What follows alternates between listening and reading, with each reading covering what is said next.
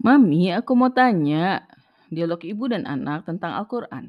Al-Baqarah ayat 28 sampai 29 bagian satu. Sebelum masuk ke ayat 28 surat Al-Baqarah, kita akan membahas sedikit akhir dari ayat 27. Bahwa orang fasik adalah orang yang merugi, Mami. Iya, Kak. Coba ingat, kata merugi sebelumnya muncul di mana? Belum ada ya, Mami. Adanya tidak beruntung perniagaan mereka di ayat 16 surat Al-Baqarah. Benar, Kak, memang belum ada. Kalau orang yang beruntung adanya di ayat berapa? Ayat 5 surat Al-Baqarah. Kita bisa menyimpulkan orang yang fasik adalah kebalikan dari orang takwa. Bukan orang kafir ya, Mami? Orang kafir itu lawan orang beriman, Kak. Oh, gitu ya. Maksudnya lawan tuh apa, Mami? Maksudnya kefasikan itu hanya bisa hilang jika orang itu mengupayakan ketakwaan. Wah, susah dong. Justru poin penting dari Al-Quran yaitu mengubah orang fasik menjadi orang takwa. Karena orang kafir sih sudah tidak peduli lagi dengan kebenaran sama sekali ya, Mami. Betul banget. Jadi ayat 23 sampai 27 surat Al-Baqarah membahas tentang dua unsur kefasikan. Apa itu? Keraguan dengan Al-Quran dan cara menyikapi permisalan. Dua hal itu ternyata dipengaruhi cara kita berperilaku terhadap alam dan manusia lain. Jadi kalau ada yang masih terzolimi dengan sikap kita, tandanya kita belum jadi orang bertakwa ya, Mami? Iya, Kak. Susah ya, Mami? Banget. Kita sambung ya, Kak, dengan ayat 28 surat Al-Baqarah. Kali ini membahas tentang orang-orang kafir. Balik lagi ke orang kafir ya. Terakhir di ayat 26 dikaitkan dengan permisalan kan? Mantap. Ayo baca dulu ayatnya.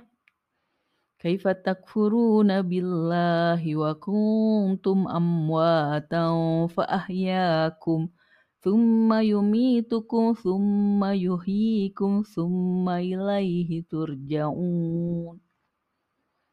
Bagaimana kamu ingkar kepada Allah Subhanahu wa taala padahal kamu mati lalu dia menghidupkan kamu. Kemudian dia akan mematikan kamu, kemudian dia akan menghidupkanmu kembali dan kepadanya lah kamu dikembalikan. Bahkan Tuhan pun mempertanyakan mengapa bisa manusia mengkafirinya. Hmm, ayo kenapa kira-kira kak? Manusia itu sibuk mami, jadi nggak sempat mikir yang aneh-aneh.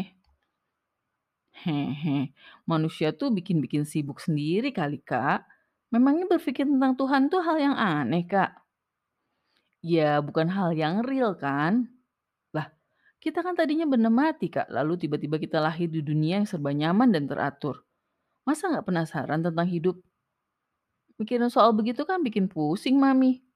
Coba Kak, kalau kamu besok tiba-tiba ada di Jepang, kamu penasaran nggak siapa yang bawa kamu ke sana dan kenapa kamu bisa ada di sana? Awalnya sih mungkin iya, tapi lama-lama ya lupa, Mami. Apalagi kalau tempat barunya seru. Hehe. Iya sih, memang kebanyakan manusia begitu. Hanya manusia yang benar-benar terus mau merenungi kehidupan yang bisa memahami kehidupan. Sampai sekarang ilmuwan juga belum mengetahui kan Mami soal asal-usul kehidupan, terus kenapa kita harus ikut bingung Mami? Hehe, manusia zaman sekarang tuh ya begitu, pikirannya terkotak-kotak. Salah ya Mami? Bukan Mami yang nyalahin ya, tapi Allah Subhanahu wa taala. Dia ingin semua manusia merenungi tentang kehidupan ini. Dia deh Mami, aku coba merenungi kehidupan kalau lagi gabut. Hehe. Allah Subhanahu wa taala juga memberitahukan tentang dua kejadian setelah kematian di ayat ini. Apakah kita akan dihidupkan setelah mati dan kembali padanya? Ya, betul. Maka kehidupan manusia bukanlah suatu kehidupan tanpa arah dan tujuan. Serem ya, Mami? Enggak juga sih, Kak. Justru, kata Mami, kehidupan ini terlalu luar biasa jika dijalani sekali dan tanpa pertanggungjawaban. Gimana maksudnya, Mami? Kata Mami sih, kehidupan dunia ini bagi orang beriman seperti kita sedang bersekolah dan bekerja di jalan Allah Subhanahu wa taala. Lalu kehidupan akhirat? Ya masa pensiun lah, Kak. Hmm, gitu ya, Mami.